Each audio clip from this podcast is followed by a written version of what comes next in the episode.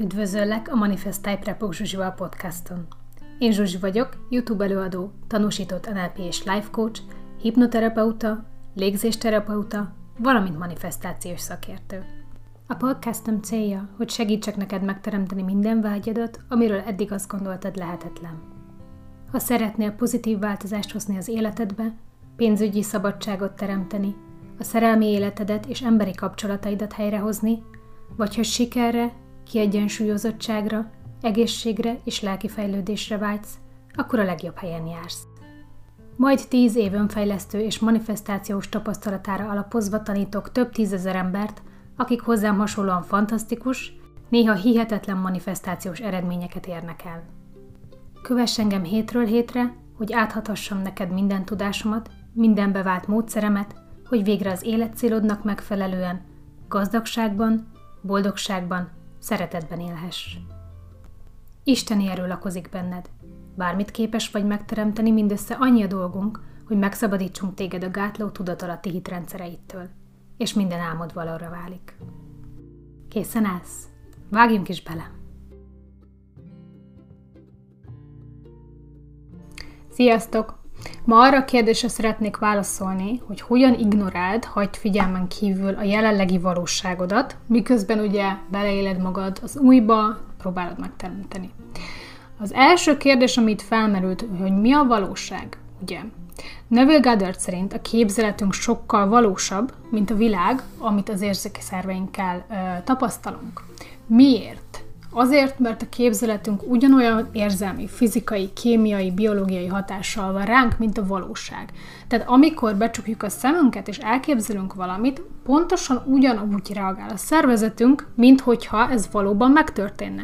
Tehát például, amikor olimpikonokon vagy hivatásos sportolókon végeznek kísérletet, és gondolatban végigveszik a pályát, vagy a mozdulatokat, amit ugye abban a, a sportban használnak, pontosan ugyanazok a agyi részek villannak fel, pontosan ugyanazok a izmok mutatnak aktivitást, amiket használna akkor is, ha nem gondolatban cselekszik. De ugyanez igaz, ugye nyelvtanulásra, zongoratanulással kapcsolatban volt még egy ilyen kísérleti, ugye, hogy egyik kísérleti csoport gyakorolt kézzel egy darabot, a másik pedig csak gondolatban gyakorolta, és mind a két csoportnál kimutatható volt az agyi fejlődés azon a részen. De mondhatunk olyan példát is, hogy ha az ember szexre gondol, akkor azonnal ugyanúgy reagál a szervezeted, mint hogyha tényleg megtörténne, ugye? Vagy amikor arra gondolsz, hogy valaki feldühített, ugyanúgy ugyanazok az érzések jönnek elő benned. De ha arra gondolsz, mondjuk a kedvenc ételedre, vagy egy citromba, hogy beleharapsz, ugyanúgy beindul a nyál elválasztásod. Tehát a szervezet ugye nem tud különbséget tenni valós és valótlan között, mert nincs olyan, hogy valós és valótlan, nem az a valós, amit ugye az érzékszerveinkkel tapasztalunk. Arról nem beszélve, hogy ez, tehát a valóság teljesen szubjektív ugye mindenkinek. Például, ha esik a hó, óriási hó esik le, akkor egy kisgyerek meg az anyukája kinéz az ablakon, a kisgyerek azt fogja mondani, hogy juhé, óriási, lehet menni szánkozni, az anyuka meg mondjuk, legalábbis ha én vagyok, akkor azt fogja mondani, hogy ah, oh, ne, megint hideg van, és latyak lesz ugyanaz történik, ugyanaz az esemény, mégis a valóság teljesen más. Mindenki máshogy éli meg. De mondhatunk olyan példát is, hogyha valaki babára vágyik a párjával, megfogan az a baba, meglátja a terhességi teszten azt, hogy terhes, és mind a ketten nagyon örülnek. Tehát az a tény, hogy terhes, az egy óriási örömet vált ki ebből a párból. De egy másik szituációban egy nő, akit mondjuk megerőszakoltak, és meglátja a teszten, hogy terhes, az viszont traumatikus élmény lesz számára. Ugyanaz történik, ugyanaz az esemény, mégis a valóság teljesen más a két embernek. Tehát a valós szó maga értelmetlen. Oké? Okay? A másik dolog, semmi sem szilárd, ugye?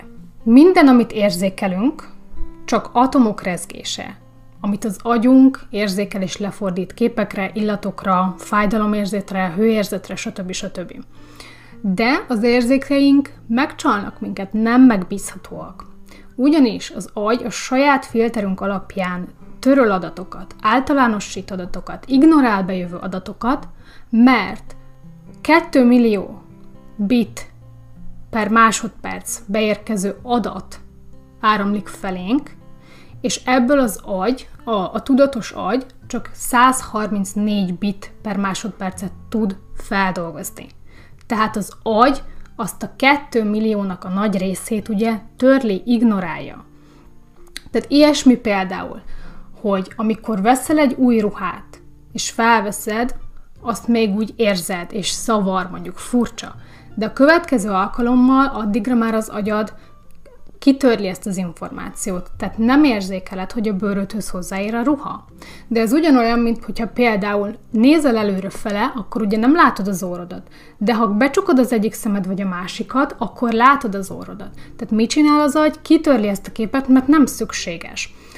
Ugyanolyan, hogyha mondjuk fókuszálsz valamire, tehát ha vizsgán vagy, vagy dolgozol, tanulsz, akkor ugye nagyon sokszor az ember kizárja a többi zajokat, tehát nem hallod meg, ami a környezetben történik.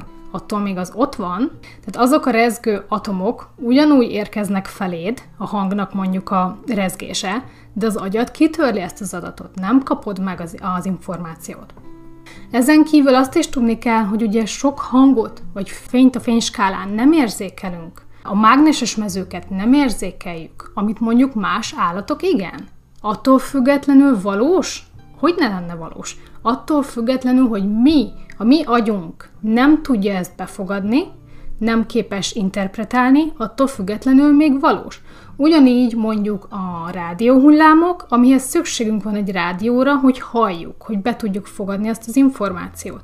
Vagy a baktériumok, amit nem látunk, szükségünk van egy mikroszkópra ahhoz, hogy tudjuk ezeket a baktériumokat megnézni. Vagy gondolhatunk ilyesmire is, hogy az optikai illúziók.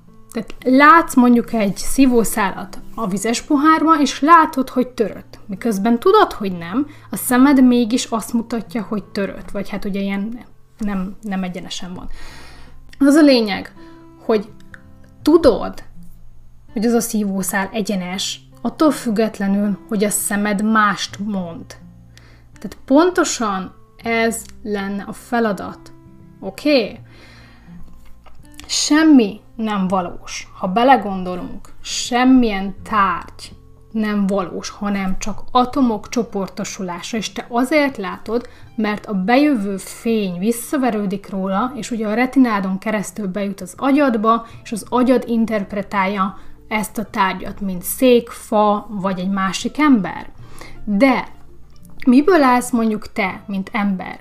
A tested szervekből áll, azok szövetekből állnak, azok sejtekből állnak, azok molekulákból állnak, azok atomokból állnak, azok részecskékből állnak. Tehát, hogy így végtelenül lehet lefele menni, és mit találunk a végén? Semmit. Anyagot alig, és rengeteg tért.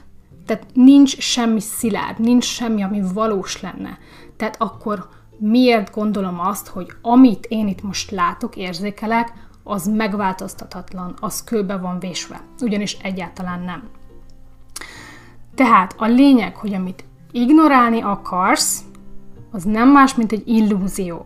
Vegyük úgy, hogy ez egy illúzió, amit most látsz. Képlékeny, nincs kőbevésve, csak te vésed kőbe azzal, hogy azt hiszed, hogy a valóság ott nem lehet megváltoztatni, vagy nehéz rajta változtatni, ugye? Tehát aki már ugye elindul azon az úton, hogy megteremtse a saját valóságát, de még nem megy neki, az az, aki már egy kicsit hiszi, de azt gondolja, hogy sokáig tart. És ugye ezzel lassítjuk le a folyamatot kvázi. Tehát a különbség az, hogy amit nyitott szemmel látok, az már a képzelet síkjából a 3D-s valóságba került. Ha ezt el tudom fogadni, megtanulni, hinni, biztosan tudni, akkor nem merül fel többé a kérdés, hogy hogyan ignoráljam az aktuális valóságomat. Nincs semmi más dolgunk, mint a vágyott érzésben élni, ahogy Neville Goddard mondja, és előbb-utóbb materializálódik a vágyunk. De ha nagyon-nagyon szükséged van egy technikára, hogy ignoráld a valóságot, akkor azért mondok egyet. Sok mindent lehet találni az interneten, egyik sem szokott működni az embereknek, az emberek továbbra is arra szoktak fókuszálni, hogy miért nincs még itt, miért nincs még itt.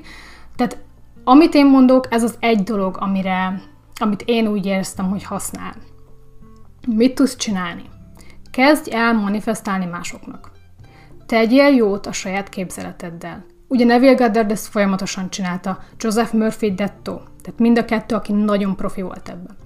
Képzeld el az embereket körülötted szeretetben, bőségben, boldogságban, gondolatban rakd rendbe mások életét, vizualizáld, éld bele magad. Milyen érzés lesz látni őket boldogan, egészségesen, bőségben, szeretetben, ugye? Azt kell erről tudni, hogy beszéltünk nagyon sokszor róla, hogy mindannyian egyek vagyunk. És ami bennem megvan információ, az megvan benned is. Azáltal, hogy én rólad vizualizálok egy másik emberről, ugye itt bejön a képbe mondjuk az ilyen, hogy párkapcsolat vagy barátság bevonzása. Amit én hiszek rólad, amiről, amire én számítok tőled, azt az információt hívom elő a másik emberből tudat alatt, hiszen, mint beszéltük, nem vagyunk szilárdak, tehát az információ közlekedik. És tehát az alapján fog a másik ember reagálni. És itt jön be megint a képbe a szabad akarat témája, ami mindig nagyon nagy port kavar. Igen, van szabad akarat. De mivel egyek vagyunk, ezért hatással vagyunk egymásra. Tehát én tudok számodra jót kívánni, de rosszat is, ugye? Tehát ha én azt vizualizálom, hogy te mondjuk egy betegségből meggyógyulsz, akkor én azt az információt elő tudom belőled hívni, és adott esetben találsz egy olyan könyvet, amiben megtalálod az információt, hogy hogyan gyógyítsd meg magad, vagy bármi más történhet, ugye. De ugye nincs határ köztünk. Te meg én egy vagyunk. Mindannyian, mindannyiunkkal együtt dolgozunk, olyanok vagyunk, mint a cseppecskék a tengerben. Összeérünk, egyek vagyunk, mégis egy-egy különálló ember, de amikor elkezdesz másnak teremteni, másnak vizualizálni, nem kell nekik tudni róla, még véletlenül se, de akkor mit csinálsz? Leveszed a figyelmedet a saját magadról, ugye, kiterjeszted a világra, és azt látom, hogy az önzetlenség, az együttérzés és a szeretet, amit ezzel közvetítünk, hogy másokon próbálunk segíteni, az mindent felülír. Tehát felül fogja írni benned azokat a negatív érzéseket, a hiányérzetet, mert amikor másoknak adunk, és erre kismillió tudományos kutatás van, hogyha másoknak adunk, lehet ez pénz, lehet ez az időnk, lehet ez bármi. Ha egy rászorulónak adunk, az olyan mennyiségű örömhormon termel bennünk, ami nem csak hogy nagyon egészséges, de ugye mit csinál a saját frekvenciádat is viszi följebb, tehát sokkal könnyebben fogsz tudni mondjuk a saját dolgaidat is megteremteni. Oké, okay, remélem, hogy hasznosnak találjátok, és sikerült tisztázni ezt a kérdést. Köszönöm a figyelmeteket, sziasztok! Ha pedig még többet szeretnél megtudni manifestáció és önfejlesztés témában, látogass meg a honlapomat a www.manifestai.hu címen, és közösen megteremtjük mindazt, amit eddig lehetetlennek gondoltál. www.manifestai.hu